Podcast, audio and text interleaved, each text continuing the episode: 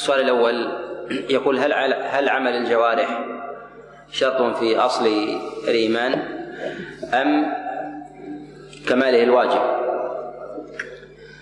تقدم معنا التأصيل في هذه المسألة وأن لدينا وأن لدينا جهتين. الجهة الأولى ثبوت الإيمان واستقراره وتحققه وهذا نقول فيه لا بد فيه من العمل لا بد فيه فيه من العمل. وذلك أن العمل أن العمل إيمان والقول إيمان والاعتقاد إيمان. هذه الثلاثة هي الإيمان كله. ولا نجزئ الإيمان إلى أجزاء ولا نجعل ولا نجعل هذه الأشياء شروطا للإيمان ولا أركانا ولا واجبات. ولا نجعل الإيمان مركبا منها حتى لا نقع في شيء من اللوازم الخاطئة. لهذا الاستشكال الذي يريده البعض من قولهم هل العمل شرط لصحة الإيمان؟ أو لكماله هو وارد من خلل التقسيم والتجزئة الواردة في الذهن. وذلك أنه لما توغل الناس وتوسعوا في التقسيمات والتجزئة والتنوع في أبواب الشروط والواجبات والأركان دخلوا إلى حتى إلى مسائل الإيمان. وربما يقرر بعض العلماء من الشراح الأوائل يتكلمون على مسائل الإيمان ويذكرون العمل ويذكرون أنه شرط للإيمان. يذكرون بعض هذه العبارات من شرط وركن من باب التقريب. يذكرونها من باب التقريب. وهذه لها لوازم لها لوازم وهذه اللوازم منها الخاطئ. منها الخاطئ. ولهذا هذا السؤال الذي يقول إن الإيمان شرط للعمل. كأنه يخرج العمل شرط للإيمان. كأنه يخرج العمل من الإيمان. كمسألة الطهارة شرط للصلاة. أوليس كذلك؟ هذا إخراج للطهارة عن ماهية الصلاة وحقيقتها. لأنه ربما الإنسان يؤدي الصلاة بلا طهارة أو يؤديها مثلا بتيمم بلا وضوء أو يؤديها ناسيا فتصح منه لنسيانه ولا يعلم بذلك ويبقى على هذا الأمر. لهذا نقول إن الإيمان قول وعمل واعتقاد والعمل والاعتقاد والقول هي الإيمان. لا نقسمها ولا نجزئها حتى نجعلها أجزاء أو شروط أو واجبات. إذا قلنا إنها شروط أخرجناها من ماهية الإيمان وحقيقته. أخرجناها من ماهية الإيمان. وإذا قلنا إنها واجبات أو أركان جزأناها من داخلها. جزأناها من داخلها. الأسلم في هذا أن نستعمل عبارات السلف الصالح في تعريف الإيمان في قولهم الإيمان قول وعمل. قول وعمل. أي هذا هو الإيمان. هذا هو الإيمان. ليست أجزاء من ولا مركب الإيمان منها ولا شروط ولا واجبات ولا أركان. وإنما هذا هو الإيمان. هذه القاعدة إذا أدركناها انضبط لدينا مسألة الكفر وهو ضد الإيمان. إذا وقع لدينا خلل في إدراك هذا المعنى وقع لدينا الخلل في فهم الكفر في فهم الكفر. فإذا لم نجعل الإيمان مركب من هذه الأشياء الثلاثة جميعا لا منفردة ممتزجة مع بعضها لأنه ثمة تلازم ثمة تلازم بين هذه بين هذه الثلاثة. ولهذا نقول في من يسأل هل العمل شرط صحة للإيمان أو شرط كمال؟ نقول لا حاجة للسؤال. لأن الإيمان هو العمل لأن الإيمان هو العمل معنى هذا أريد أن أبين تقريب. محمد بن عبد الله بن عبد المطلب هو رسول الله صلى الله عليه وسلم.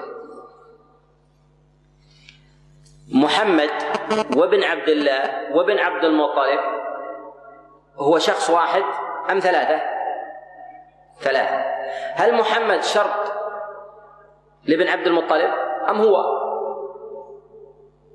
هو وابن عبد الله هل هو شرط لابن عبد المطلب أم هو؟ هو لو جاءنا شخص وقال محمد بن عبد الله لكن ليس بن عبد المطلب لنتصورها ذهنيا الإيمان هو الذي الإيمان الذي يشبه في هذا التمثيل محمد. القول والعمل والاعتقاد. محمد بن عبد الله بن عبد المطلب. هذه ترجع إلى حقيقة واحدة أو لا ترجع إلى حقيقة واحدة؟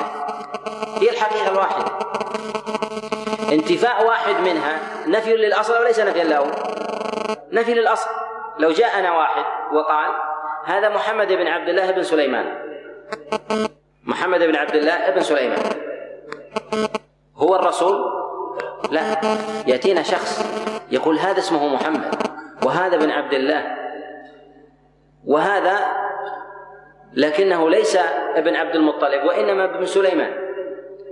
إذا نقصت الرسالة أو أو انتفت نقصت أو انتفت انتفت انتفت الرسالة ليست برسالة.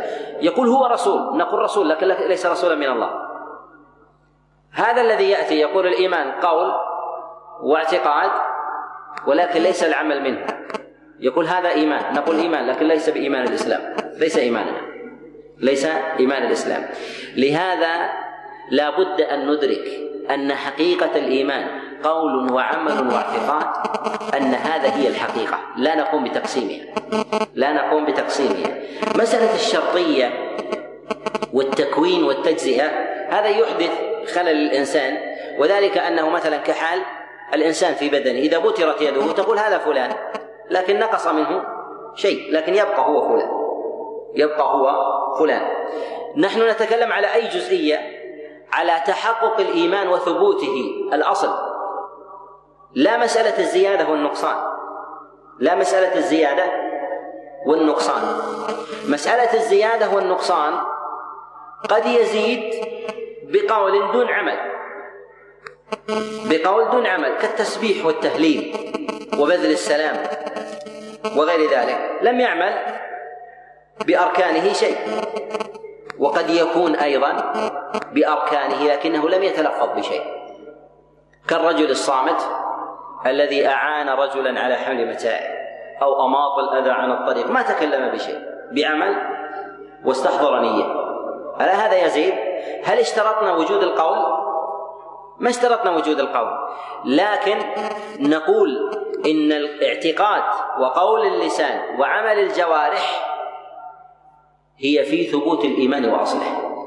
هي في ثبوت الإيمان وأصله أما الزيادة والنقصان فأمر آخر. هنا مسألة وهي مسألة جنس العمل. تارك جنس العمل. تارك جنس العمل معنى الجنس يعني انتفى العمل منه بالكلية. يقول أنا أعتقد أن الله واحد. وأنطق بالشهادتين. ولوازمها القولية. ولكني لا أعمل شيئا من الأعمال التي اختصت بها شريعة محمد صلى الله عليه وسلم أهذا مؤمن؟ ليس بمؤمن ليس بمؤمن لماذا؟ لأن الإيمان قول وعمل واعتقاد ولا يوجد فيه في عمل كحال الإنسان الذي يصلي المغرب ركعتين وفي وقتها ومع الجماعة ولكنه انصرف من الثانية. هذه صلاته صحيحة وليس بصحيحة؟ صلاته ليست بصحيحة.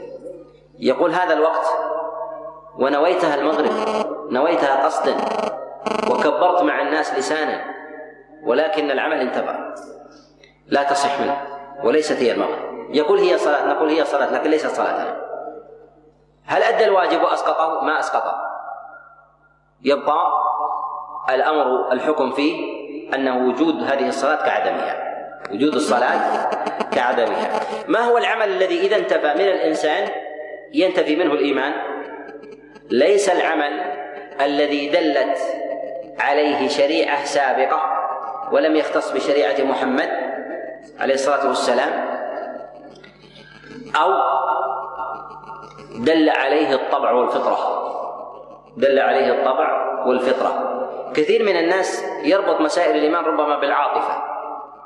يقول فلان باذل ويحسن ويفعل ويعالج المرضى ويؤوي الناس ويكفل الأيتام والأرامل ويرعى المساكين والفقراء ويشيد المساجد وغير ذلك. هل هذا نحن بحاجة إليه؟ لا لسنا بحاجة إليه. لسنا بحاجة إليه. نريد من ذلك هو ما اختصت به شريعة محمد صلى الله عليه وسلم على سبيل الخصوص. لأن كفار قريش كانوا يعمرون المسجد الحرام ويسكون الحاج ويقرون الضيف ويغيثون الملهوف ويعينون على نوائب الحق. ومع ذلك ما كانوا مؤمنين. لماذا؟ لانتفاء العمل الذي اختصت به شريعة محمد من أقوالهم وأفعالهم. فامتنع عنهم حينئذ الإيمان. إذا اختلت هذا التقرير في فهم الإيمان تختل لوازمه وورد لدينا من يقول بأن العمل شرط كمال. أخرجه من دائرة الثبوت إلى دائرة الزيادة والنقصان فجعل له حكما واحدا. فأضعف جانب الثبوت في العمل واستقام معنا في الاعتقاد والقول. في الاست... فاستقام معنا في الاعتقاد والقول. أما من جهة عمل الجوارح فاختلت لديه إثباتا فتختل لديه نفيا. تختل لديه نفيا. ولهذا نقول الذي يقول أن الذي يسجد لصنم يسجد لصنم لا نكفره حتى نرجع إلى نيته. كحال الإنسان الذي إذا انتقض وضوءه من الركعة الثالثة يقول لا نبطل صلاته حتى نرجع إلى الركعة الأولى والثانية هل هي صحيحة أم لا؟ هل هي صحيحة؟ لا تصح لماذا؟ لأن نحن نتكلم على صلاة مغرب ما نتكلم عن ركعة أولى وثانية لا ندخل في دائرة التجزئة إذا دخلنا في دائرة التجزئة وقع لدينا الخلل وقع لدينا الخلل ولهذا عقيدة أهل السنة والجماعة أن الكفر والنقض للإيمان بهذه الأشياء إذا وقع على واحد منها المبطل أبطلها جميعا. لماذا؟ لأن حقيقتها واحدة لا تركب.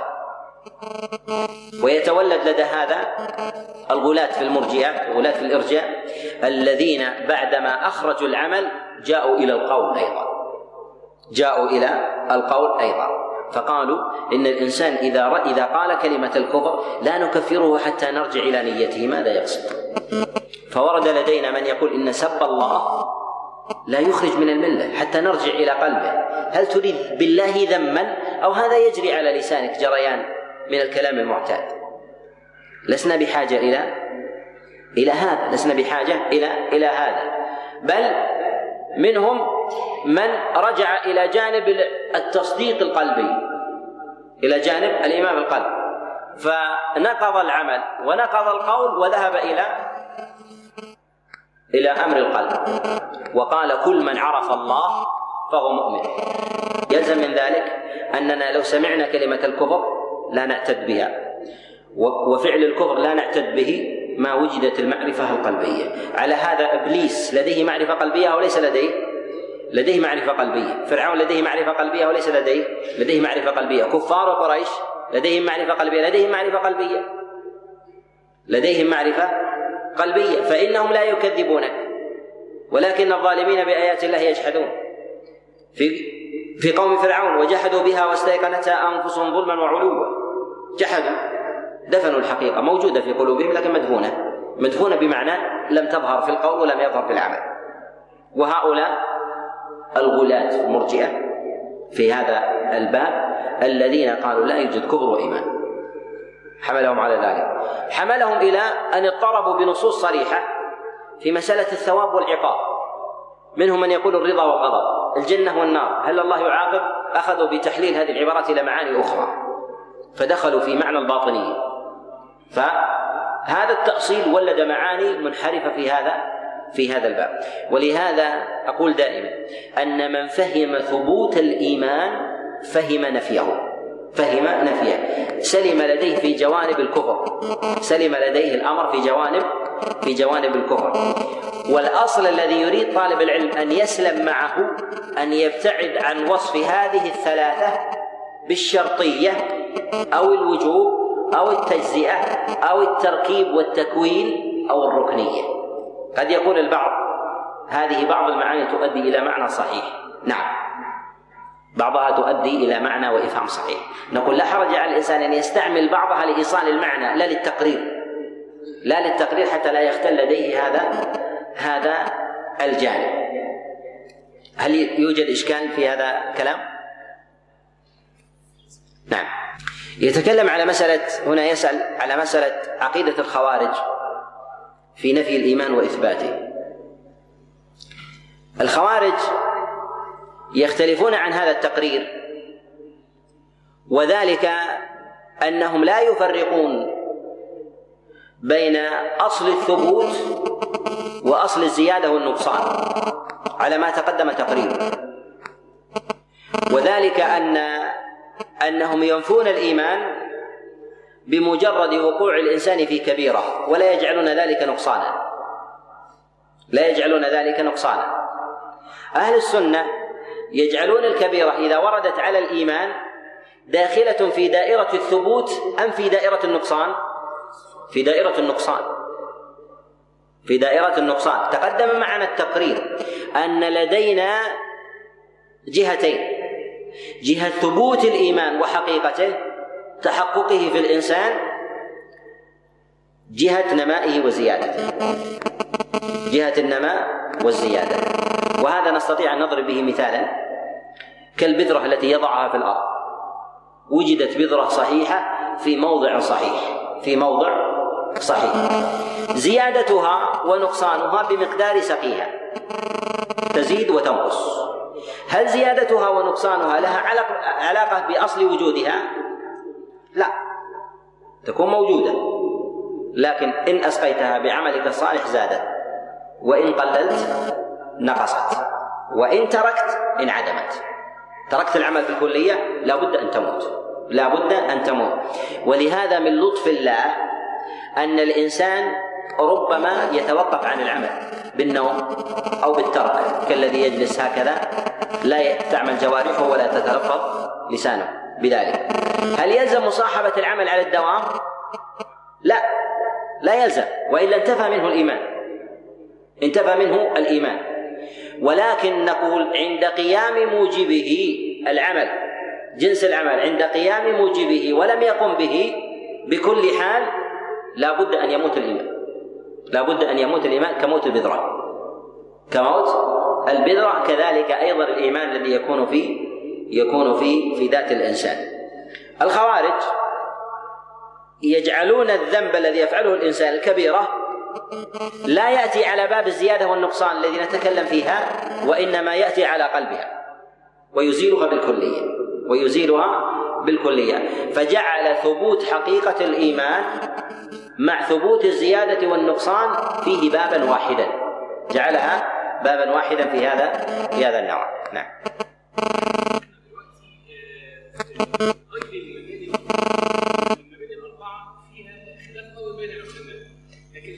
ماذا تقصد بالمباني الأربعة؟ آه نعم نعم. فيها يعني عند صلاة الأسولات في خلاف. لكن أنا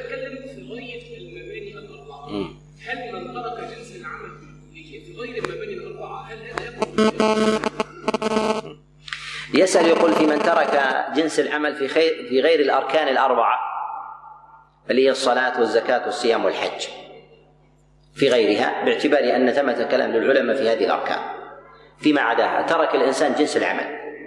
جنس العمل. هل يكفر بذلك إذا تركه نقول لا؟ لا يكفر. مع أنه لا يتصور أن الإنسان يأتي بالأركان الأربعة كما أمر الله سبحانه وتعالى ثم يدع جنس غيرها. لماذا؟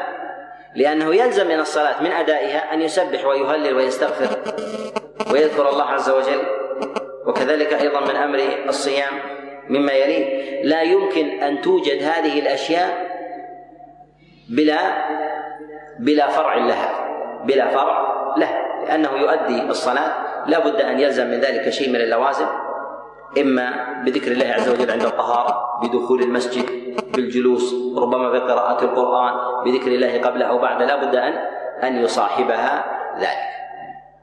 كما وصف نفسه في كتابه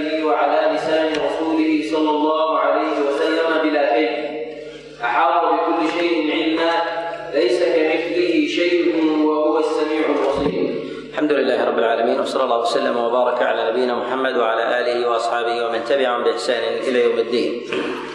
انتقل المصنف رحمه الله إلى مسألة إلى مسائل الأسماء والصفات فبدأ بمسألة الاستواء على العرش وذلك لأن هذه المسألة من المسائل التي وقع فيها وقع فيها ضلال عند أهل البدع بل هي من أوائل المسائل التي وقع فيها الخطا والابتداع بعد الاستقرار على المعنى الصحيح. الله سبحانه وتعالى مستو على عرشه. والأدلة في ذلك مستفيضة متواترة من كلام الله وكلام رسول الله صلى الله عليه وسلم. الرحمن على العرش استوى. والله سبحانه وتعالى في استوائه نثبته من غير من غير أن نثبت من غير أن نكيف أو نشبه أو أو نعطل فالله عز وجل ليس كمثله شيء وهو السميع البصير. من اختل لديه باب علو الله سبحانه وتعالى فيختل لديه تبعا مسألة الاستواء على العرش. ولهذا نقول كل من نفى علو الله سبحانه وتعالى على خلقه فيلزم من ذلك أن ينفي أن ينفي استواء الله عز وجل على عرشه على الحقيقة. وعلو الله سبحانه وتعالى وعلو الله سبحانه وتعالى على خلقه على نوعين. علو ذات وذلك لأن الله عز وجل فوق السماء السابعة على عرشه مستو سبحانه وتعالى. وهذا هو المقصود بعلو بعلو الذات. وأما النوع الثاني فهو علو القدر وعلو المنزلة وذلك لكمال المعاني المعاني فيه سبحانه سبحانه وتعالى. وذلك بكمال الرحمة واللطف والقدرة والعزة والتمكين وغير ذلك. فالله سبحانه وتعالى عالم في كل في كل هذا على على خلقه سبحانه وتعالى. الله جل وعلا مستو على عرشه بائن من خلقه. قوله بائن أي يريدون بذلك هو نفي الممازجة بين الخالق والمخلوق عقيدة الاتحاد والحلول الذين يقولون بأن الخالق هو المخلوق. وهذا شيء من تناسخ الابتداع الذي يكون عند عند أهل الضلال. وذلك أن البدعة تولد بدعة فتبدأ البدعة يسيرة ثم تغلط حتى تكون حتى تكون كفرا. حتى تكون تكون كفرا.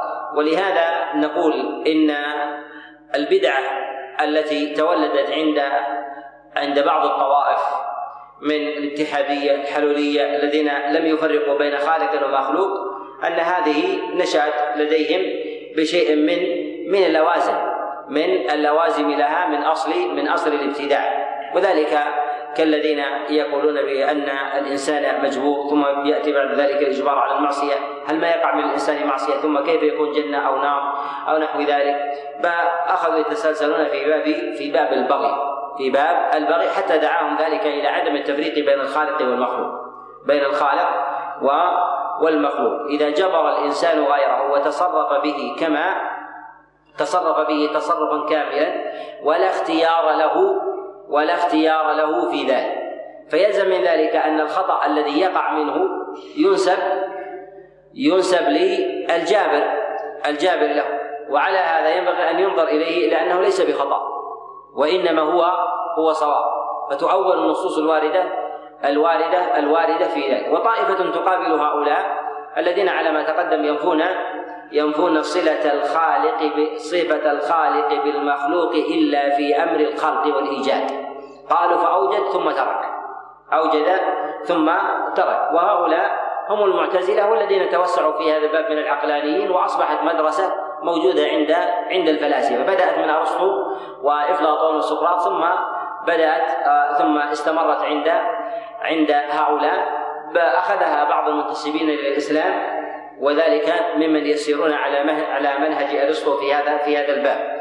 وذلك ممن يسمون بالمشائين من, من الإسلاميين.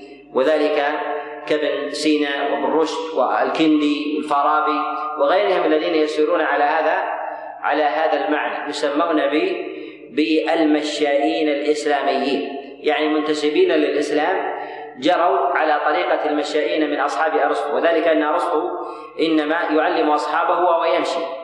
فمن يمشي معه وهو يعلمه في ذهابه ومجيئه يقال يقال لهم بأن بأنهم المشاؤون المشاؤون يجري على طريقتهم هؤلاء الذين جروا على باب الفلاسفة من من يسمون بالعقلانيين المدرسة العقلية.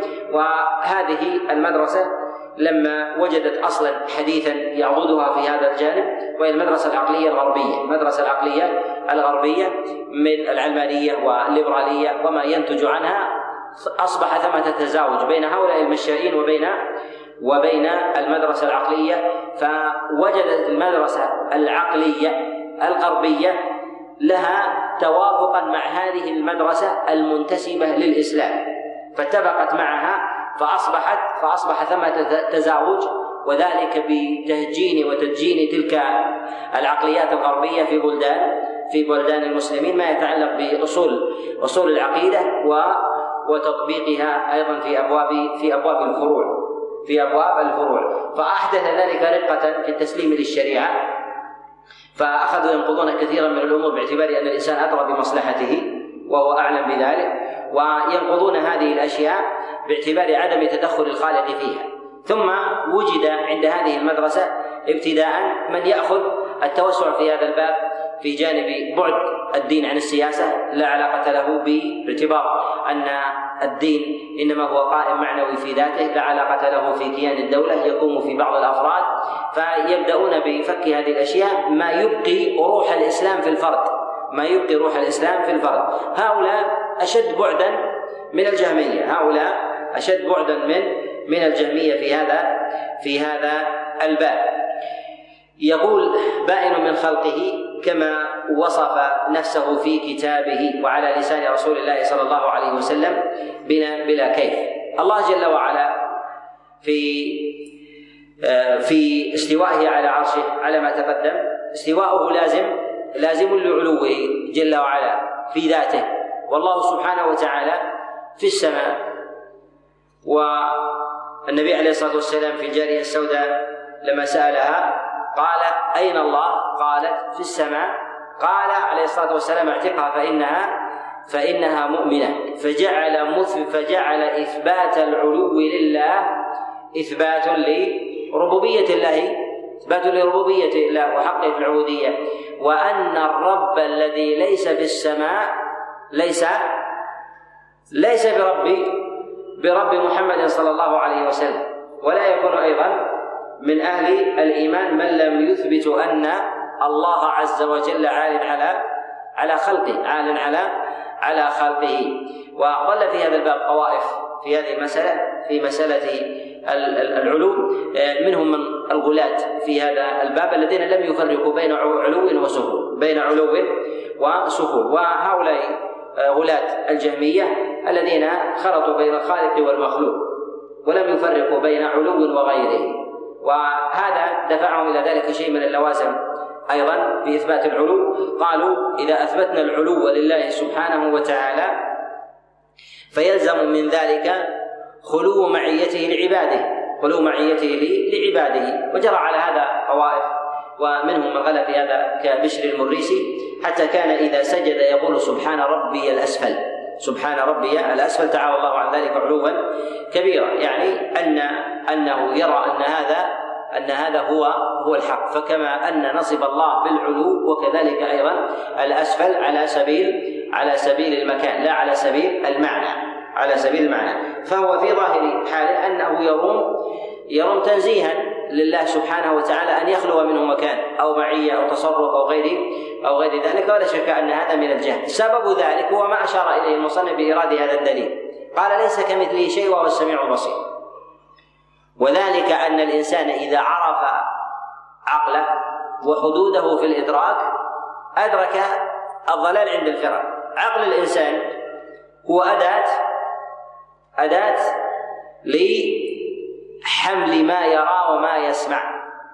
حمل ما يرى وما يسمع. فما يصل إلى إلى الإنسان يضعه في يضعه في عقله يضعه في عقله.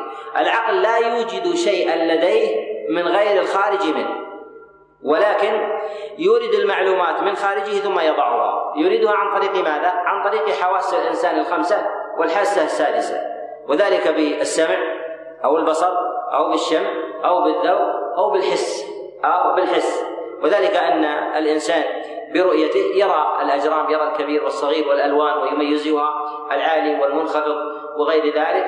فهذا من المنافذ الإدراك التي تصل إلى العقل. السمع يعرف الأصوات وتنوعها وكذلك أيضا يعرف يعرف أصنافها وقويها من ضعيفها وغير ذلك. فيسمع فالسمع حاسة توصل إلى العقل. كذلك أيضا شم الإنسان يعرف الروائح ويدرك القوي من الضعيف والنافذ من غيرها والمحبوب من غيره فيميز الروائح بشمه. وكذلك أيضا بذوقه وهي الحاسة الخامسة. وهي الحاسة الرابعة بذوقه يعرف الحلاوة من المرورة ويعرف هذه الأشياء بذوقه. الحاسة الخامسة في الإحساس. يعرف الإنسان أن هذا حار أو بارد. يعرف هذا حار أو بال الحاسة السادسة هي المعنى القائم في النفس. المعنى القائم في النفس يعني أن الإنسان يعرف أنه حزن أو فرح من داخله. يعرف الحزن والفرح من داخله. وإن كان السبب ربما يطرأ عليه شيء خارج منه أو ربما تولد من داخله. فهو يعرف الفرح الفرح والحزن. هذه يأخذها العقل يأخذها العقل من خارجه ثم يقوم العقل ب جمع بعضها مما يرى الإنسان من مرئيات ثم يقوم بالخلط بينها ثم يقوم بالخلط بينها. لا يوجد العقل جديدا العقل لا يوجد جديدا. وذلك كالقدر بالنسبة للماديات كالقدر بالنسبة للماديات. تضع فيه من الماديات من تراكيب مثلا المادة ثم تقوم بخلطها وتخرج مادة. هذه المادة ليست جديدة وإنما هي الأجزاء المنفردة منفكة خارجه جمعت في داخله ثم خرج هذا الشيء كذلك عقل الإنسان. عقل الإنسان. الحروف موزعة ثم جمعها فأخرج كلمة. الألوان مفرقة كما تجمع في قدر ثم تخرج لونا جديدا إذا دمجت اللونين والثلاثة لم تخرج هذا اللون الجديد في قدرك وإنما هو في الخارج وإنما قمت بالجمع. ولهذا العقل لا يوجد المعلومات من العدم. العقل لا يوجد المعلومات من العدم وإنما هو يقيس. وبمقدار قياسه وما وتوغله في أبواب الجزئيات يوجد الإبداع حتى يظن أنه جدد. حتى حتى يظن انه أنه جدد. وتجديده في ذلك يختلف الناس بمقدار فمن عرف قيمة العقل الحقيقيه أدرك أنه لا يمكن أن يدرك الغائب عنه. أن يدرك الغائب الغائب عنه. كالقدر لا يمكن أن يوجد مادة لم تدخل إليه. لم تدخل لم تدخل إليه. ولا يصح له في ذلك القياس. لا يصح له في ذلك القياس. لهذا الله سبحانه وتعالى يقول ليس كمثله شيء وهو السميع البصير يعني لا يوجد شيء دخل إلى ذهن الإنسان بحواسه هذه يستطيع به أن يحيط بالله جل وعلا علما ولهذا نقول إنه كلما يخطر في بال الإنسان أن الله كذلك فالله غير ذلك. لماذا؟ لأنك لم لم ترى الله لم ترى الله وليس كمثله شيء. لهذا تجد الإنسان يقيس على ما رأى. لو وجد شخص في بلد في بلد أتيت بعشرة أشخاص كل واحد من قارة أو من بلدة كبيرة. ثم أخذت تحدثهم عن حكاية. تقول دخل علي فلان أو دخلت على فلان وفلان وهما يأكلان طعاما. هذا يتصور أنه يأكل على طاولة ومعه الملعقة ويأكل طعاما معينا اعتاد عليه أهل بلده. وذاك يتخيل أنه يأكل على الأرض لأن بلده يأكلون على الأرض ويأكل بيده لأنه لا لا يأكلون بالملعقة. وهكذا. ومنهم من يتصور حالا معينة لماذا؟ لأنه يرى الأمر على ما استقر في ذهنه. ولو حدثت رجلا من أهل زماننا ورجلا من أهل القرنين الماضيين وقلت له قدم إلينا فلان من بلدة كذا وكذا. لكان صاحب القرن الماضي يتخيل رجلا على ناقة قدم إلى إلى هذا البلد في ذهنه. وإذا حدثت أحد من أهل زمانه قلت قدم إلينا فلان. لاستحضر أنه على مركبة على مركبة من السيارات أو غير ذلك. فهذا الأمر لماذا اختلف القياس مع أن العقل واحد؟ لأن ما فيه من مادة اختلفت.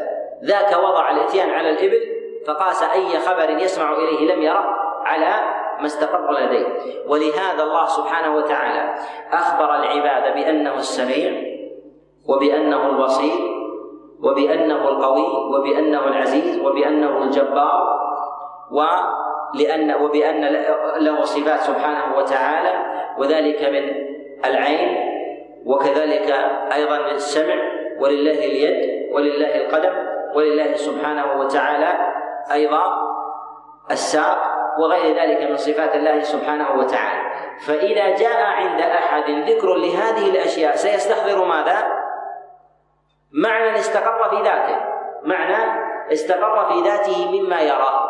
الله سبحانه وتعالى أخبر الإنسان بهذه الأشياء وذكره بأنه ليس كمثله شيء ليس في عقلك شيء تستطيع أن تقيس عليه فتصل إلى الصواب. تصل إلى الصواب. اذا ما الواجب على الإنسان في هذا؟ الواجب على الإنسان أن يثبت ما أخبر الله عز وجل به في أمور أسمائه وصفاته وما عدا ذلك يتوقف عنه. يتوقف عنه. لماذا توقف عنه؟ لأن الذي أخبرك بذلك هو الذي أمرك بالتوقف.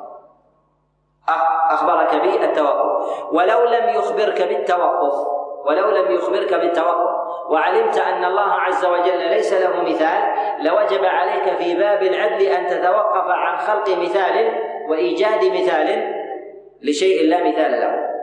لأنك إذا أوجدته فإنك كاذب. بان فانك فإنك كاذب. ولهذا نقول إن الإنسان لا يمكن أن يأتي بجديد لم يره من قبل إلا وقد ركب ركبه مع غيره.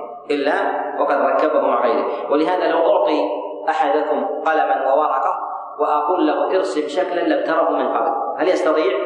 لا يستطيع لا يستطيع أن يولد.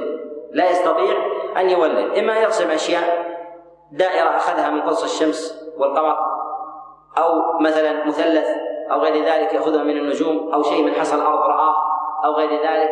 آه فلا بد من أن يراه. إما أن يراه باليقظة أو رآه حلما أراه الله عز وجل إياه مناما. فرآه من الأشباح وغير ذلك. أو ركب بين شيئين. أو ركب بين بين شيئين. فالتركيب بين هذا بين هذين الشيئين هو في نهاية المطاف تشبيه لمثالين. فإذا جاء بثلاثة هو تشبيه لثلاثة وجمع بينهما.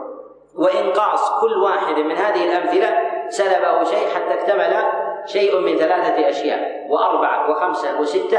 ولهذا نقول إن الناس يبدعون في العقليات بتركيبها لا بإيجادها. كما يبدع الناس في الماديات بتركيبها لا بإيجادها. الإنسان في الماديات هل يوجد المادة من عدم؟ لا يوجد المادة من عدم. وإنما يمزج بينها حتى يخرج صناعة جديدة. هذا الذي يحسنه. كذلك أيضا كذلك أيضا في أمور العقليات. لا يوجد الإنسان إلا ما علمه الله جل وعلا إياه ما علمه الله سبحانه وتعالى إياه. ولهذا نقول أننا نثبت ما أثبته الله جل وعلا لنفسه. نثبت ما أثبته الله عز وجل لنفسه ونتوقف عن عما عدا عما عدا ذلك عما عدا ذلك. لهذا في قول الله جل وعلا ليس كمثله شيء وهو السميع البصير هذه الآية تضمنت نفيا وإثباتا. نفيا للشبيه والمثيل ليس كمثله شيء وتضمنت إثباتا في قوله وهو السميع البصير يعني مع أنه ليس كمثله شيء ليس لك أن تنفي أصل الصفة لعدم وجود مثال عندك لقصور علمك لقصور علمك. ولهذا قال الله جل وعلا بعد ذلك أيضا وهو السميع البصير مع أنه ليس كمثله كمثله شيء. ولهذا نقول إنه يجب على الإنسان أن يثبت صفات الله سبحانه وتعالى كما أثبتها الله ولا يزيد في ذلك. لا يزيد لا يزيد لا يزيد في ذلك. وثمة قواعد في هذا الباب في مسائل الأسماء والصفات يتكلم عليها العلماء في ثمة كلام حسن في هذا الباب ابن تيمية رحمه الله في التدمرية وثمة أيضا كلام في القواعد آه، المثلى في أسماء الله الحسنى قواعد جيدة في هذا الباب ينبغي لطالب العلم ان أن يرجع إليها فهي حسنة في إدراك تلك القواعد المتعلقة بأسماء الله سبحانه وتعالى. لا خلاصة ذلك أنه لا يجوز للانسان لا يجوز للإنسان أن يصف الله عز وجل بما لم يصف به نفسه نفسه سبحانه وتعالى. كذلك فإنه يجب عليه أن ينفي عن الله عز وجل النقائص. أن ينفع لله عز وجل النقائص إجمالا لا تفصيلا. إلا عند الحاجة للتفصيل عند من يثبت النقيصة تنفى بعينها لأن النقيصة إذا أثبتت ولم تنفى بعينها كان ذريعة لبقائها فربما لم يقصدها الإنسان عينا. لم يقصدها الإنسان عينا فبقي ذلك على على ما هي عليه. كاليهود الذين يقولون يد الله مغلولة. ماذا قال الله عز وجل؟ بل يداه مبسوطتان. أي يثبت ما ما ينفيه ما ينفيه على الباطل من من نقائص. ولهذا نقول إن الإنسان يثبت صفات الكمال لله ويفصل وينفي النقائص ويجمل ينفي النقائص ويجمل. لأن نفي النقيصة على سبيل التفصيل ذم. نفي النقيصة على سبيل التفصيل ذم. إلا إذا أثبتت النقيصة نصا فتنفى بعينها. تنفى بعينها. وذلك حتى لو كان الإنسان بالنفي صادق. لأن معروف في لغة العرب إذا أتاك رجل وسألك عن فلان ماذا تعرف عنه؟ تقول فلان لا يشرب الخمر. ولا يزني. هذا ذم ولا ولا مدح هو يريد يريدك أن تأتي بصفات بصفات المدح والخير تفصيلا وتنفي عنه الشر إجمالا. تنفي عنه الشر إجمالا. ولهذا ليس للإنسان أن يقول ليس الله بكذا ولا كذا ولا كذا ثم يقوم بعد صفات النقائص. إلا إذا جاء من يصف الله عز وجل عينا بشيء ينفيه عنه عينا ينفيه عنه عنه عينا لهذا إذا سئلت عن أحد فمن مواضع المدح أن تقول هو كريم ورحيم وأيضا يؤدي الصلاة وصاحب خلق وديانة وإكرام ضيف وغير ذلك. هذه المحامد هذه المحامد أما نفي النقائص فهذا لا ينفى إلا عند وجود من يثبتها. إذا خرجت إشاعة على شخص أنه يشرب الخمر تقول لا يشرب الخمر. لكن لا تنفيها من غير داع عليها.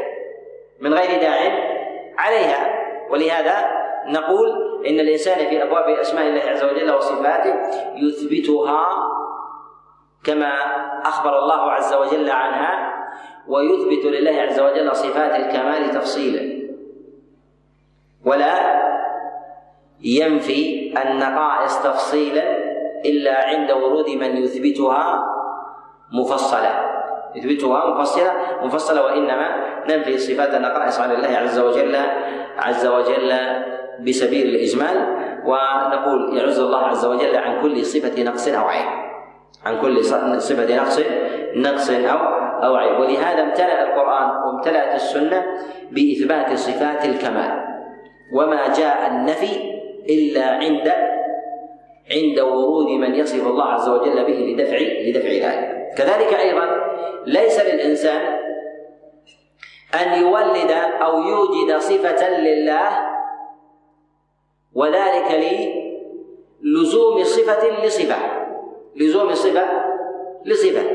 وذلك أن الأصل في إثبات اللزوم أن هذا يلزم منه إثبات التشبيه. يلزم منه إثبات التشبيه. وذلك كالذي يثبت لله سبحانه وتعالى صفة الضرس أو اللسان. وذلك لأن الله يتكلم. لأن الله يتكلم. فهل للإنسان أن يقول نثبت صفة اللسان لأن الله يتكلم؟ لا. كذلك أيضا في هذا المعنى في مسألة صفة الشم. أطيب عند الله من رائحة المسك. هل نثبت صفة الشم لهذا؟ لا. لماذا؟ لأن هذا قدر زائد. ما الذي جعلك تثبت صفة الشم لأنك أنت لا تعلم الروائح الطيبة إلا بالشم؟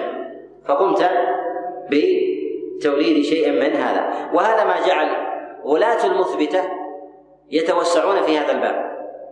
ولاة المثبتة يتوسعون في هذا الباب. فجاء عند عندهم من يغلو في هذا الباب فيثبت صفة الفم ويثبت صفة اللسان وكذلك صفة الأضراس وكذلك أيضا في الشفتين وغير ذلك لله سبحانه وتعالى ومردنا في ذلك إلى الدليل لا إلى التعليل لا لا إلى التعليل فذلك الواجب علينا أن نتوقف عندما عندما أخبر الله سبحانه وتعالى به. وهذا ما يقع بعض الطوائف يصف فيه أهل الحديث والسنة في ذلك أنهم يصفونهم بالمجسمة لأنهم يرون أنهم إذا أثبتوا صفة اليد يلزم من ذلك إثبات صفة صفة الجسم ثم صفة الظل لهذا الجسم وغير ذلك. لهذا نثبت هذا الأمر لله سبحانه وتعالى ولا نزيد على على ذلك. هم استحضروا هذا المعنى أنه يلزم له معاني. إذا لازمت له معاني قاموا بنفيه. قالوا نعطل هذه الصفات. لماذا؟ حتى لا نثبت لله جسما فإذا أثبتنا لله جسما أثبتنا له محيطا وأثبتنا له جهة وأنه يحد سبحانه وتعالى. فمن الذي يحد؟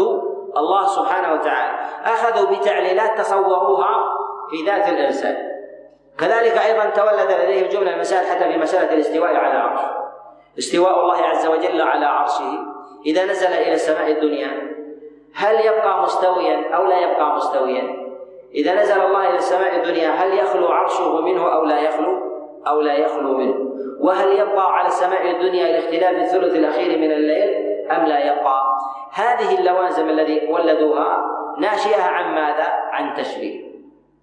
ناشئة عن تشبيه. لأن الإنسان يرى في ذهنه أنه إذا خرج من داره إلى عمله خلت داره منه وانشغل عمله. إذا خرج إلى المسجد انشغلت داره وبقي في المسجد وكذلك أيضا العكس.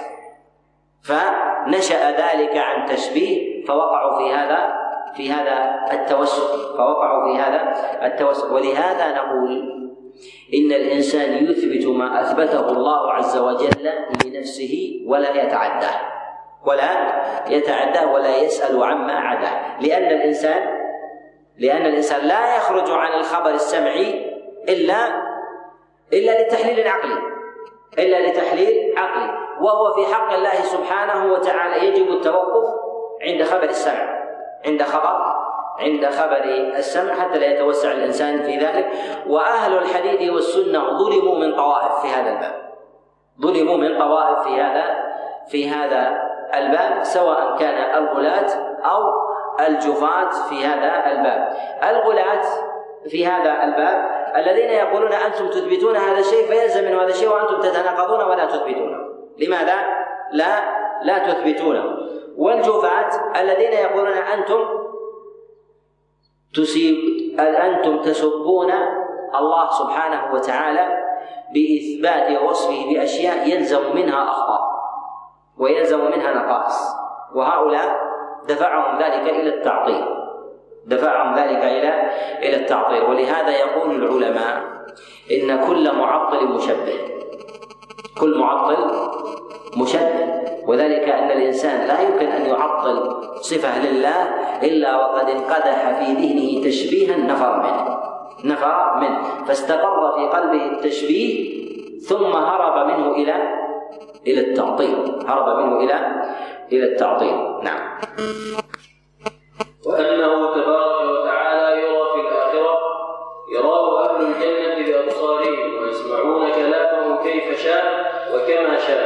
يقول انه تبارك وتعالى يرى في الآخرة يراه أهل الجنة بأبصارهم ويسمعون كلامه كيف شاء وكما شاء.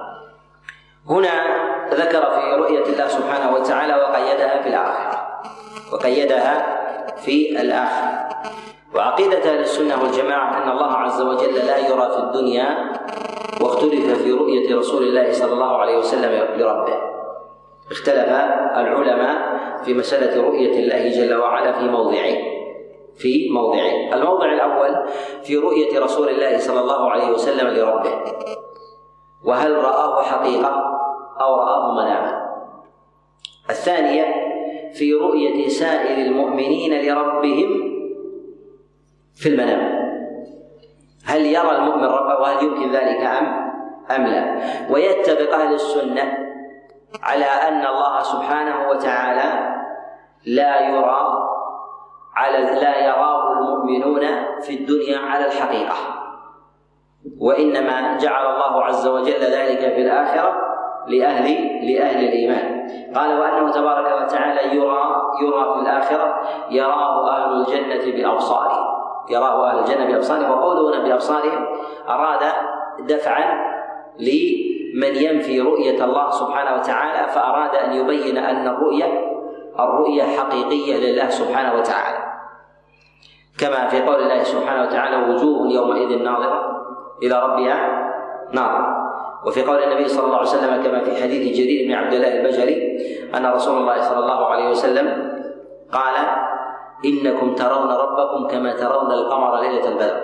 هل تضامون في في رؤيته؟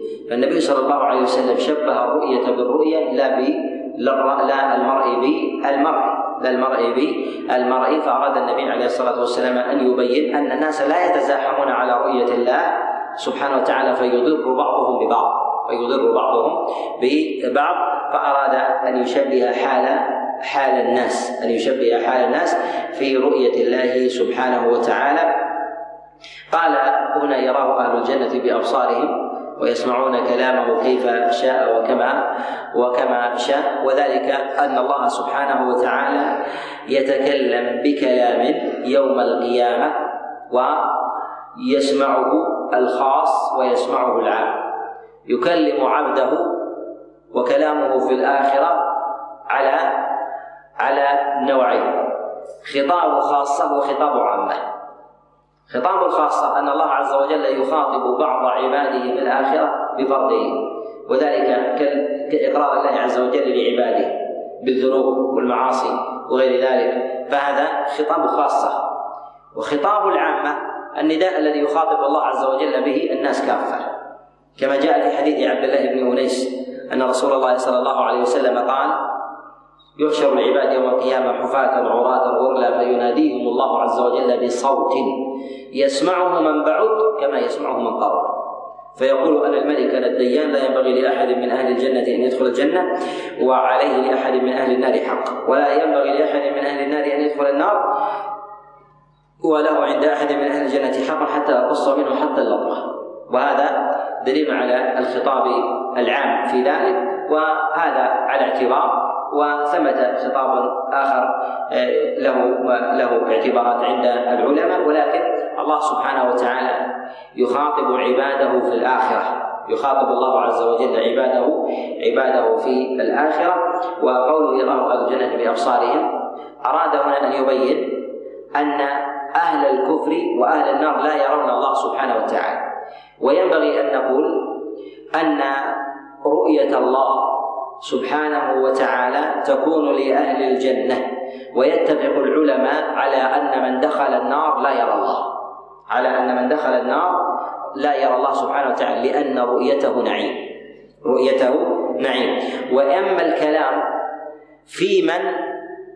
في من لم يدخل النار قبل دخوله لها ممن استحق النار هل يرى الله جل وعلا ثم يحجب عنها تشديدا في العذاب تشديدا في العذاب وذلك يستدلون بقول الله سبحانه وتعالى كلا إنهم عن ربهم يومئذ لمحجوبون أي أنهم رأوه ثم حجبوا عنه. رأوه ثم حجبوا عنه. والصحيح في ذلك أن المشركين قبل دخول النار وبعد دخول النار لا يرون الله. لماذا؟ لأن رؤيته نعيم. أن رؤية الله سبحانه وتعالى نعيم وفي قوله ويسمعون كلامه كيف شاء وكما شاء لأن الخالق يتصرف بالمخلوق وإنعامه لا يتصرف المخلوق بالخالق فجعل المشيئة لله لا لعباده. فهو الذي ينعم على عباده كيفما شاء سبحانه وتعالى. ولهذا قال يرون يراه أهل الجنة بأبصارهم ويسمعون كلامه كيف شاء وكما شاء وحده سبحانه وتعالى. نعم. والجنة حق والنار حق وهما مخلوقان لا يفنيان أبدا والجنة ثواب لأوليائه والنار عقاب لأهل معصيته إلا من رحم الله عز وجل. وقوله هنا والجنة حق والنار حق وهما مخلوقان لا يفنيان أبدا. الله سبحانه وتعالى خلق الجنة والنار وهما موجودان الآن. أعد الله عز وجل الجنة لأوليائه وأعد النار لأعدائه. لا يخلد في النار إلا كافر ولا يدخل الجنة إلا مؤمن. وجعل الله عذابا لبعض أهل الإسلام من أرباب الكبائر. يعذب الله عز وجل من شاء منهم ويغفر الله سبحانه وتعالى لمن شاء. وقضى الله على نفسه ألا يغفر لمن أشرك معه شيئا إلا أن يتوب. ولهذا يقول الله جل وعلا إن الله لا يغفر أن يشرك به ويغفر ما دون ذلك لمن يشاء. فالذنوب التي تكون من الإنسان على نوعين ذنوب مكفرة وذنوب ليست مكفرة. الذنوب المكفرة هذه لا تغفر حتى يقلع عنها صاحبها تائبا لله سبحانه وتعالى. الذنوب غير المكفرة هي التي يتوعد صاحبها يتوعد صاحبها بالنار. والله سبحانه وتعالى يتوعد عبده وقد يغفر الله جل وعلا له. قد يغفر الله سبحانه وتعالى له. وذلك إن شاء رحمه وإن شاء وإن شاء عذبه سبحانه سبحانه وتعالى. المكفرات التي يجعلها الله جل وعلا للذنوب عديدة أولها التوبة والاستغفار. ثانيها الحسنات التي تذهب السيئات. وأقم الصلاة طرفي النهار وزلفا من الليل.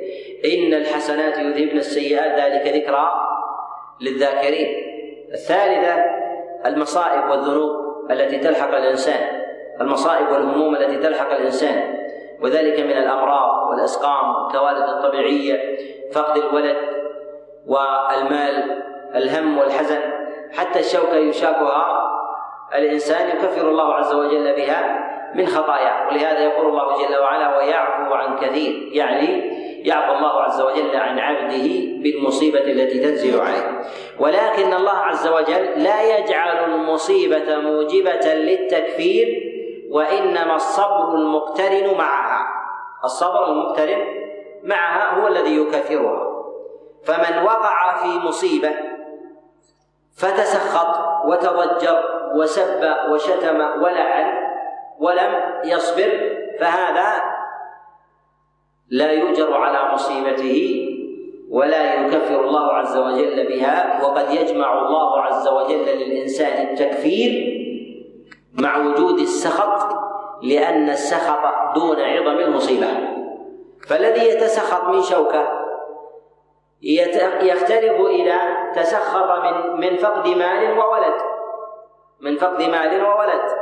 فتسخطه الذي تسخط بالشوكة ربما أتى على أجر مصيبة الشوكة لكنه لا يأتي على أجر على أجر مصيبة فقد الولد كله. فينقص من أجر صبره بمقدار زوال الصبر من من ألم المصيبة. ولله عز وجل عدل والله سبحانه وتعالى عدل عدل في ذلك. ينصف عبده في حقه ينصف عبده في حقه. ومن المكفرات أيضا دعاء غير الإنسان له دعاء غير الإنسان له. وذلك أن يدعو الإنسان لغيره بأن يغفر الله له وأن يتوب عنه. وأن يتجاوز. وهذا أصل في مشروعية الدعاء للغير. وإلا ما شرع الدعاء للغير بالاستغفار إلا لأن الله عز وجل يخفف أو يزيل ذنب ذلك الإنسان بدعائك له. ومن المكفرات أيضا ما يأتي من امتحان وفتنة للإنسان في حياة البرزخ. ومن المكفرات أيضا ما يجد الإنسان من شدة من الوقوف في عرصات يوم القيامة. عرصات يوم القيامة. يخف الله عز وجل على على عباده. هذه المكفرات كلها لا تأتي على الشرك إلا التوبة والاستغفار. التوبة والاستغفار. يأتي على على الشرك بعينه. أما بقية المكفرات لا تأتي على الشرك لعظمه وغلظه. عظمه وغلظه فلو أصيب الإنسان بمصائب وهموم مدى الدهر ما دام مشركا لا تأتي على الشرك. حتى يتوب الإنسان إلى الله عز وجل وينيب إليه ويوحده سبحانه وتعالى. إذا تأتي على ماذا؟ تأتي على ما دونها. فالمصيبة بمقدارها. فالمصيبة بمقدارها.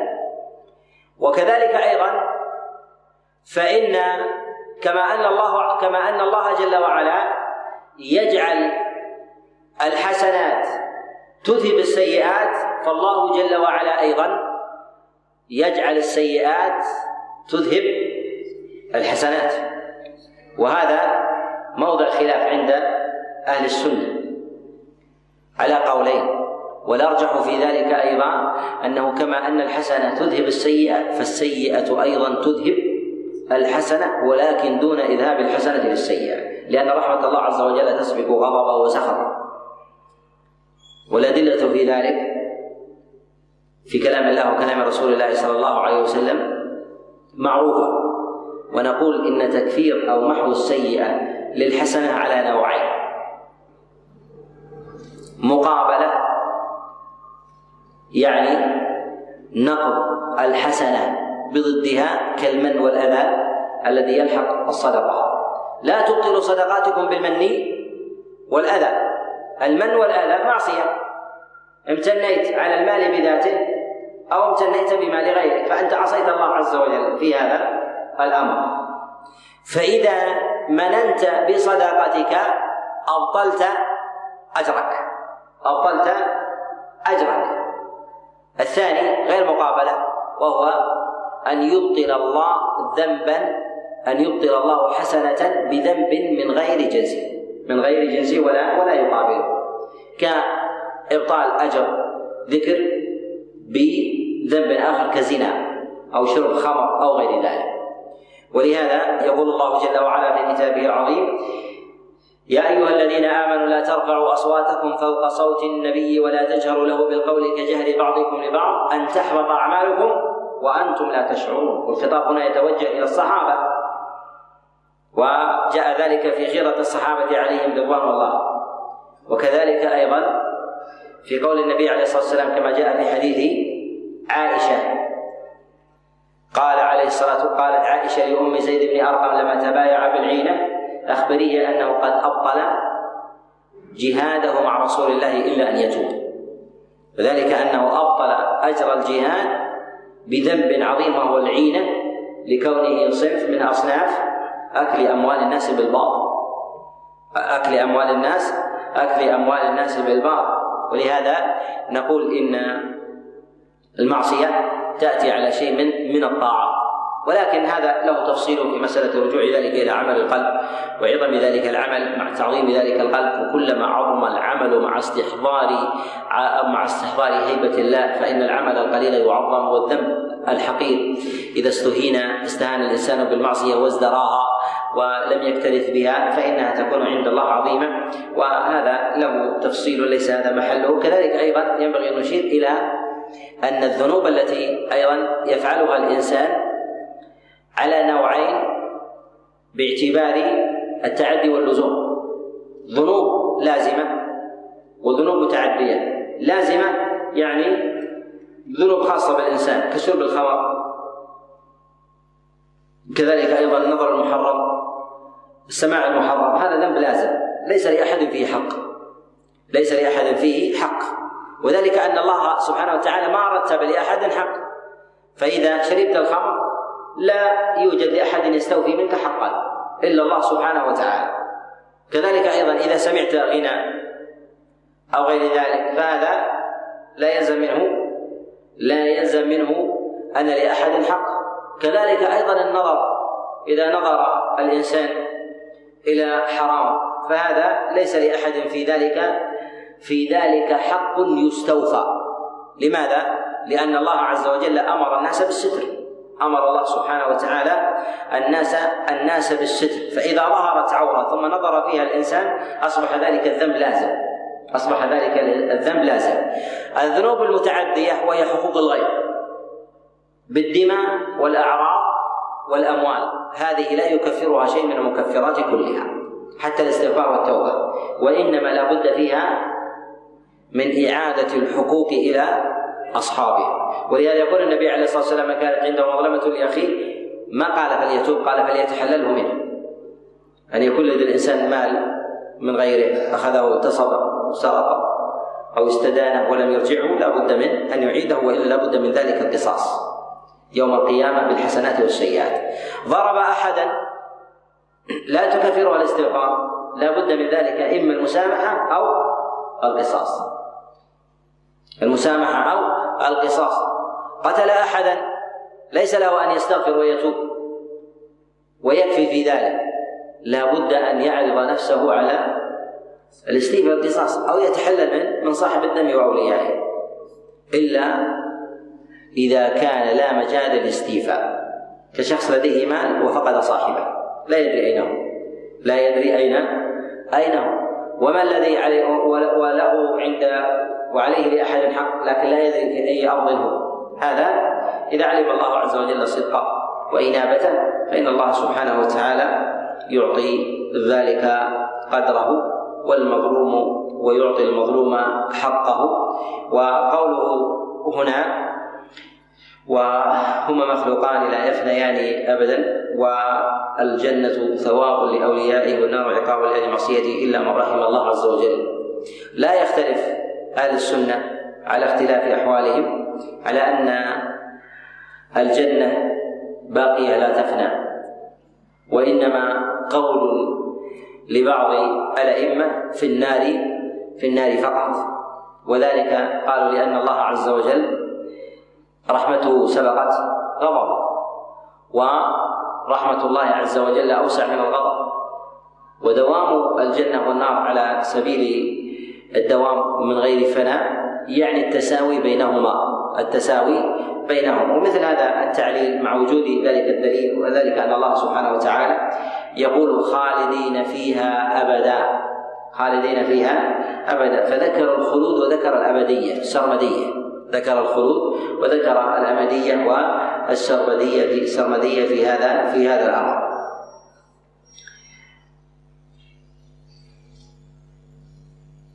نعم. والصراط حق. وهنا في قوله والجنة ثواب لأوليائه والنار عقاب لأهل معصيته. النار عقاب لأهل معصيته. ذكر هنا أهل معصيته. وذلك أنه قد يدخل الجنة قد يدخل النار الإنسان بغير الكفر وهو مسلم لكونه من أرباب الكبائر. وما قال النار لأهل الكفر لأنه يلزم من ذلك هو نفي نفي دخول النار لأهل الإيمان. وقد ثبت الأدلة أدلة في عقاب الله عز وجل لأهل الإيمان. وما قال المصنف والجنة ثواب لي أو قال الجنة يدخلها المؤمنون والنار لا يدخلها المؤمنون لوجود قدر مشترك وهم أهل المعاصي. قد يدخل الجنة إنسان وهو صاحب كبيرة ولا يمر بالنار. وقد يمر الله عز وجل عبدا من عباده على النار لكبيرة أو كبائر وقع وقع فيها. فالله سبحانه وتعالى يجعل ذلك يجعل ذلك بموازنة وعدل. قوله إلا من رحم الله عز وجل يعني من أهل المعصية. أما أهل النار فلا يرحمهم الله سبحانه وتعالى لأنه قضى في ذلك. إن الله لا يغفر أن يشرك به ويغفر ما دون ذلك لمن لمن يشاء.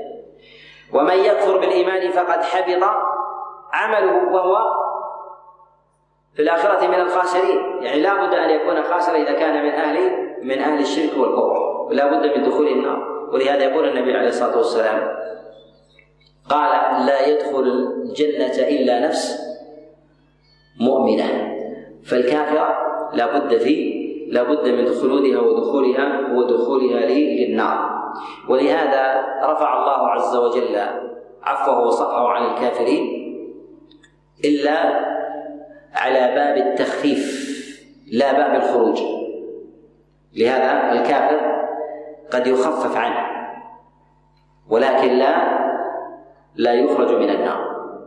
وشفاعة النبي عليه الصلاة والسلام تكون لأهل الكبائر لا لأهل الكفر لا تكون لأهل الكفر إلا ما جاء فيه الخبر في موضعين. الموضع الأول في عمه أبي طالب في الشفاعة له. الموضع الثاني في خبر أبي لهب.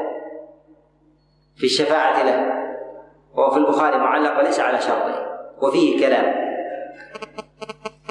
وذلك أنه قد أعتق في الجاهلية مرضعة النبي صلى الله عليه وسلم فأرضعت رسول الله صلى الله عليه وسلم. فقيل إنه يشرب في الجنة بمقدار هذه وأشير إلى ما دون الإبهام من من خفس يشرب منه وهو شيء لا يملأ قطرات يسيرة. ونقول إن الأصل أن الشفاعة لا تكون لأهل لا تكون لأهل الكفر وإنما هي لأهل لأهل الإيمان من أهل الذنوب وغيره وهي على أنواع. نعم. والصراط حق والميزان حق. لو قوله هنا والصراط حق. الصراط الذي يصبه الله عز وجل على مد جهنم والحساب والعقاب في معرفة موضعه نقول مواضع المجازات في موضعين مواضع المجازات في موضعين الموضع الأول قبل الجنة الموضع الثاني بعد الجنة الموضع الأول يكون قبل قبل المرور على الصراط. وهذا على أحوال. الحالة الأولى في أهل الإيمان الذين كتب الله عز وجل لهم دخول الجنة وعدم دخول النار. يستوفون الحقوق ومعرفة موازين حسناتهم وسيئاتهم قبل مرورهم على الصراط أصلا الثاني الكفار. الذين أوجب الله عز وجل عليهم دخول النار والخلود فيها. فهؤلاء ينهون من حسابهم كاملا قبل مرورهم قبل الاتيان على الصراط. فيهوون في النار بمقدار بمقدار ما عليهم. ويقتصون الحقوق التي بينهم. فالكفار بينهم مظالم. هذا ظلم هذا وهذا ظلم هذا. هل يأخذون حسنات؟ لا. يتقاذفون السيئات. يتقاذفون السيئات فيزداد في ذلك العقاب. يزداد في ذلك العقاب. وأهل الإيمان يؤمنون بأن الجنة درجات والنار دركات. والنار دركات. ويقضي الله عز وجل كذلك بين البهائم. ولا تصل إلى الصراط. ولهذا يقول النبي عليه الصلاة والسلام كما في الصحيح من حديث أبي هريرة قال لا, تؤدن الحقوق إلى أهلها ولا يقتصن الله للشاة القرناء من الشاة من الشاة الجماء هذا فيما بينهن يوم القيامة. وهل يقتص الله عز وجل للشاة للشاة وللبهيمة وللحيوان من الإنسان؟ أم لا؟ نقول لا يكون قصاصا يعني استيفاء وإنما يكون وزرا وعقابا عليه عقابا عليه لا حظا لذات لذات البهيمة تنعم تنعم به أو يخفف عليها عقاب لأنه لا يرد عليها لا يرد عليها ذلك. الموضوع الثاني من مواضع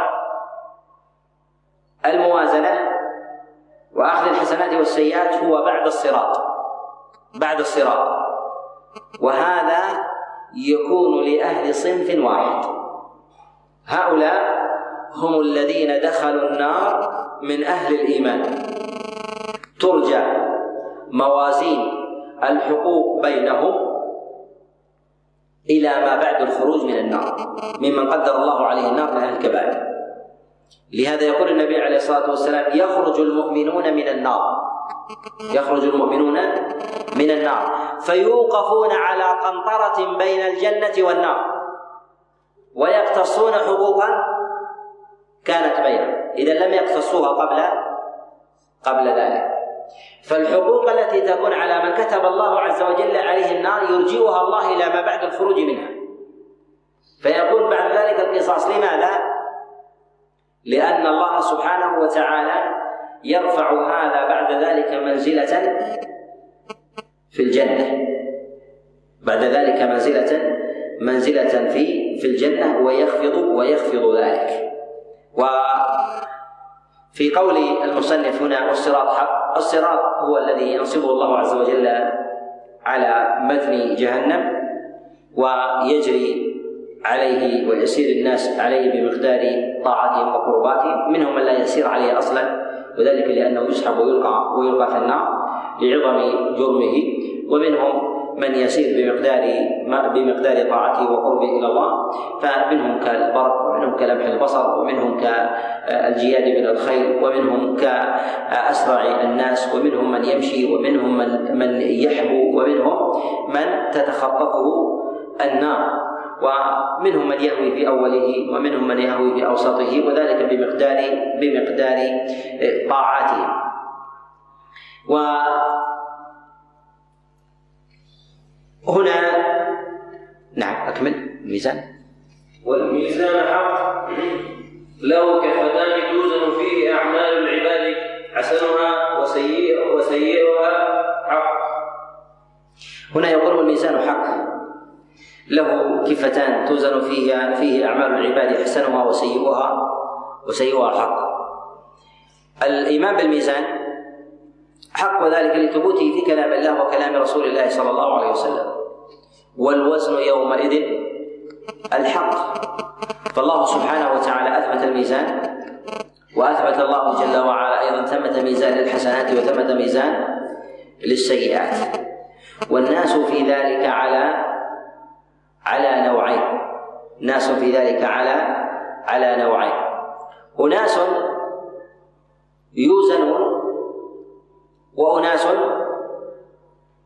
وأناس يدخلون الجنة بغير حساب ولا ولا عذاب ممن يكتب الله سبحانه وتعالى له ذلك. يكتب الله جل وعلا له له ذلك. وهل يعني من دخول الإنسان بغير حساب ولا عذاب أنه لا يعلم ما عمل؟ يعلم ما عمل ولكن لا يكون ذلك محاسبة ومعاقبة. يكون ذلك محاسبة ومعاقبة. والناس في الميزان يوم القيامة وعلى ما تقدم له كفتان من جهة الوزن منه من يوزن له عمل واحد ومنه من من يوزن له عملين. من يوزن له العملين وهو الأكثر الخلق. أكثر الخلق. وذلك الذين لديهم حسنات وسيئات فإذا غلبت الحسنات كان من الجنة وإذا كان لديه سيئات غلبت لم يغفر الله له أدخله أدخله الله عز وجل النار. من يوزن له عمل واحد على نوعين إما حسنات فقط وإما سيئات فقط. الحسنات فقط الذين ليس لديهم سيئات ليس لديهم سيئات توزن. إما أن الله عز وجل غفرها قبل ذلك وإما أنهم لم يفعلوها ولم يبقى لديهم شيء. وذلك لبعض والندرة من الخلق. والندرة من من الخلق. وذلك لا يعني عدم جريان المعصية من الإنسان بل تجري عليه بل إن الله أورد شيئا من التكفير لها. كما جاء في الخبر إن المصيبة لتلحق العبد والبلاء لا ينزل بالعبد حتى يمشي في الأرض وليس عليه ذنب ليس عليه ليس عليه ذنب. من له من يوزن له عمل السيئات وذلك المشرك. لماذا؟ لأنه ليس لديه حسنات. وما يفعل تعجل له طيباته في الدنيا. تعجل له طيباته في الدنيا فلا توزن السيئات. وما فائدة وزن السيئات حتى يعرف حتى يعرف عقاب عقابه بنفسه. وهل الله جل وعلا يحصي على العباد الذنوب ليعلم؟ هو أم ليعلموا؟ ليعلم ولهذا الله عز وجل يجعل الملكين رقيب وعتيد ويجعل من يكتب على العبد ويحصي عليه. لماذا؟ ليعلم الإنسان لأن الإنسان عنيد لأن الإنسان عنيد ولا يقبل شاهدا ولا بينا. فأراد الله عز وجل أن يقيم الحجة عليه وأن يعلمه بنفسه بالدوائل بالدلائل والشهود البينة. لا أن يعلم الله تعالى الله عز وجل عن ذلك فالله يعلم بلا هذه الأسباب. بلا هذه الأسباب. ولهذا الله سبحانه وتعالى يحصي على عبده ويجعل كتبه ليشهدوا على العبد ليقروا العبد ويعلموه ويعلموه بذنبه فيرى. ومع ذلك يأبى الإنسان إلا شاهدا من نفسه فينطق الله عز وجل أعضاءه لتشهد عليه. إذا الله سبحانه وتعالى يريد من ذلك أن يقر العبد على على نفسه حتى إذا إذا عذب في ذلك عذب بأمر يقتنع به ويقتنع به من يراه يقتنع به من يراه وهذا كمال العدل وهذا كمال كمال العدل. وإذا كان الله سبحانه وتعالى وهو أعدل العادلين جل في علاه لم يعاقب عباده بلا بينة لهم وبعلمه فقط فغيره من باب أولى. ألا ينزل عقوبة على أحد لعلمه فقط؟ فلا يجوز للقاضي ولا يجوز للحاكم أن ينزل عقوبة عقوبة لعلمه. وإنما لا بد من ورود بينة من ورود بينة. فإذا رأى القاضي أو الحاكم أحدا يزني لا يقيم عليه الحد حتى يأتي بالشهود. حتى يأتي بالشهود. رأى أحدا سكران ليس له أن يأخذ به إلى المحكمة ثم يقيم عليه الحد لا. حتى يأتي بالشهود عليه. لماذا؟ لأن الشريعة ما جاءت بأن يقام الحد فقط. لا. جاءت أيضا بما هو أبعد من ذلك. بإنزال العقوبة وقطع العذر أيضا على الناس أن يقال ظلم هذا الرجل. ظلم هذا الرجل بإنزال عقوبة عليه لأنه ينفي. فإذا قامت البينة عليه دل على عدل الإسلام وانصافه وقطع الحجج والأعذار عند أهل الأهواء والتربص. نعم. والحوض المكرم به نبينا حق والشفاعة حق. يقول هو الحوض المكرم به نبينا حق وذلك أن الحوض آه، يكون قبل دخول الجنة يجعلها الله سبحانه وتعالى وجاء في أوصافه أنه مد البصر وفيه آنية عدد النجوم يتناول منها منه الناس. والحوض أول من يرد إليه صاحبه عليه الصلاة والسلام ويدفع عنه من ليس من أهله فيجعل الله عز وجل له في ذلك أمرا أمرا ونهيا. الناس قبل الحوض يعطشون وبعد الحوض يروون فشربهم من الحوض للري وشربهم بعد الحوض للتلذذ والمتعة. ولهذا نقول ان من شرب من الحوض لا يعطش. فشرابه في الجنة وأكله ليس لأجل سد الجوع وإنما للاستمتاع وإنما للاستمتاع. لأنه سد عطشه لأنه سد عطشه من ذلك الحوض. ولهذا نقول إن الحوض جمع الله عز وجل فيه سد العطش واللذة. سد العطش واللذة وأما ما جعله الله عز وجل للعباد في الجنة فجعل الله عز وجل في ذلك تناعما وزيادة آه، في النعيم والمتعة. والحوض المكرم به نبينا حق والشفاعة حق. والشفاعة هو ضد الوتر والوتر فرض وانضمام فرد إلى إلى فرد شفع وذلك أن الإنسان إذا كان لا يقوم بنفسه فاعترض بغيره يسمى الثاني شفيعا وشافعا. والشفاعة شرعة رحمة من الله سبحانه وتعالى. والشفاعة لا تكون إلا إلا بشرطين. الشرط الأول رضا الله سبحانه وتعالى عن المشفوع وإذن الله عز وجل للشافع. ولا تكون الشفاعة إلا لأهل الإسلام.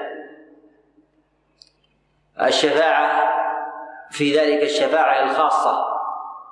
وثمة اعتبار بتقسيم الشفاعة باعتبار العموم والخصوص فنقول إن الشفاعة على نوعين شفاعة عامة وشفاعة خاصة. الشفاعة العامة التي تكون لأهل الموقف يجعلها الله عز وجل لرسوله صلى الله عليه وسلم بالتعجيل بالقضاء والفصل بينهم. وهذه شاملة لكل الخلق. وأما الشفاعة الخاصة فلا تكون إلا لأهل الإسلام. سواء كان ذلك من دخل النار أن يخرج منها أو كان ذلك في من في الجنة أن يرفع منزلة ويعلى فيها. والشفاعة جعل الله عز وجل منها لرسوله صلى الله عليه وسلم وجعلها الله عز وجل لغير رسوله من سائر الصالحين.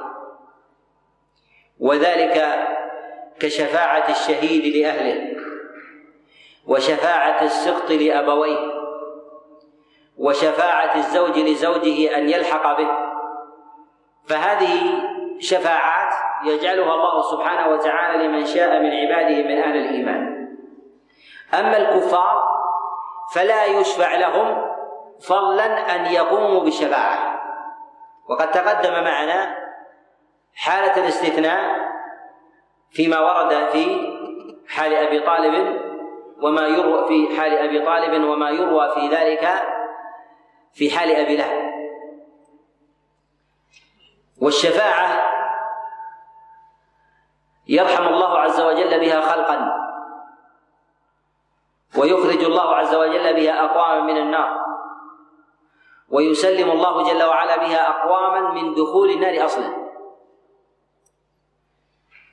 وهي على أحوال وتنزل على أقوام لا يحصي أعيانهم إلا الله. لا يحصي أعيانهم إلا الله سبحانه وتعالى. والشفاعة هي من رحمة الله. جعل الله عز وجل لها أسباب. وأعظم أنواع الشفاعة شفاعة النبي صلى الله عليه وسلم لأمته. أعظم أنواع الشفاعة هي شفاعة رسول الله صلى الله عليه وسلم لأمته. نعم. والبعث من بعد الموت حق. يقول والبعث من بعد الموت حق. يذكر العلماء الموت ويصفونه بالحق. وذلك لثبوته واستقراره وعدم ورود النفي عليه عند أحد من أهل الفطر. عند أحد من أهل الفطر. ولم يرد في زمن فيما أعلم من توقع نفي الموت كما في زماننا بإمكان علاجه كما وجد عند المدرسة الغربية أنهم يعزمون على وجود حل للموت ويرون أن هذا ممكن ولهذا وجد شركات تأمين غربية تدفع لها أموال سنوية واشتراكات بحيث الإنسان لو مات وتطور العلم أنه يؤخذ برقمه و وتستخرج جثته ويعاد. وهذه شركات قائمة موجودة. ومدرسة عقليه لها أصولها ونظرها في الغرب. ولا شك أن هذا ضرب من ضروب الجنون. وكذلك أيضا عدم الإيمان بوجود الخالق. وعجبا أيضا من البشر مروا بمراحل على عدم قدرة الخالق أن يعيد خلقه. فوصلوا إلى مرحلة بالإيمان أن المخلوق أن يعيد المخلوق. ولا شك أن هذا أن هذا دليل على تناقض العقل ان إن ابتعد عن رحمة الله عز وجل وتوفيقه. السابقون كفروا لعدم إمكان أو قدرة الخالق تعالى عن إعادة وإحياء العظام وهي رميم. وأهل المادة اليوم قالوا بإمكان البشر أن يعيد أن يعيد ذلك بعد موته. وذكر لي أحد أهل العقل والديانة أنه رأى رجلا عربيا عليه سوار في معصمة. فقال ما هذا؟ فقال هذا اشتراك في شركة تأمين. أدفع له مالا سنويا لأنهم احتمال أن يجدوا حلا للموت. فإذا مت انقل إلى موضع معين ويوضع في إما في حافظات أو غير ذلك ثم إذا وجدوا حلا قاموا باستخراجه من ماله الذي دفعه قبل ذلك. فهذا خسر الدنيا والآخرة. ضيع المال ولا استمتع به وخسر الآخرة ما كان من أهل الإيمان به. ولو كان صاحب عقل على الأقل ولو جذوة من عقل لا انتفع من هذه وانتفع أو انتفع من الثنتين. ولكن من لم يجعل الله له نورا فما له فما له من نور. وقوله والبعث من والبعث من بعد الموت حق. البعث من بعد الموت إحياء الناس بعد موتهم وقيامهم في يوم النشور لله سبحانه وتعالى. يخرجهم الله جل وعلا من الأجداث وذلك من القبور. يحييهم الله سبحانه وتعالى مهما مهما تغيرت أحوالهم وتقطعت أوصالهم وتنوعت لأن الذي أوجدهم من عدم بلا شيء أقدر على إعادتهم بعدما كانوا شيئا فتوزع هذا الشيء فمادته موجودة.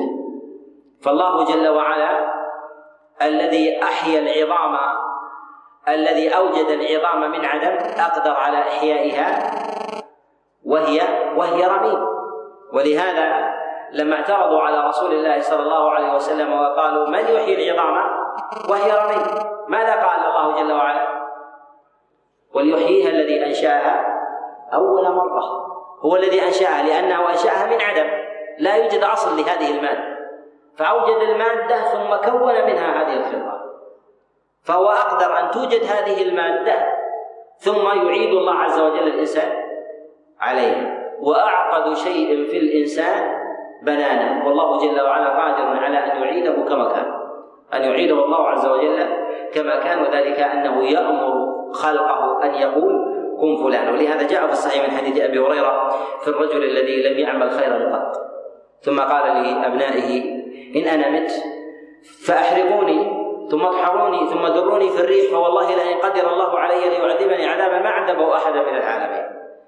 فلما مات فعل به ابناؤه ذلك فقال الله عز وجل لأجزائه كن فلانا. فكان فلانا. فقال ما حملك على هذا يا رب؟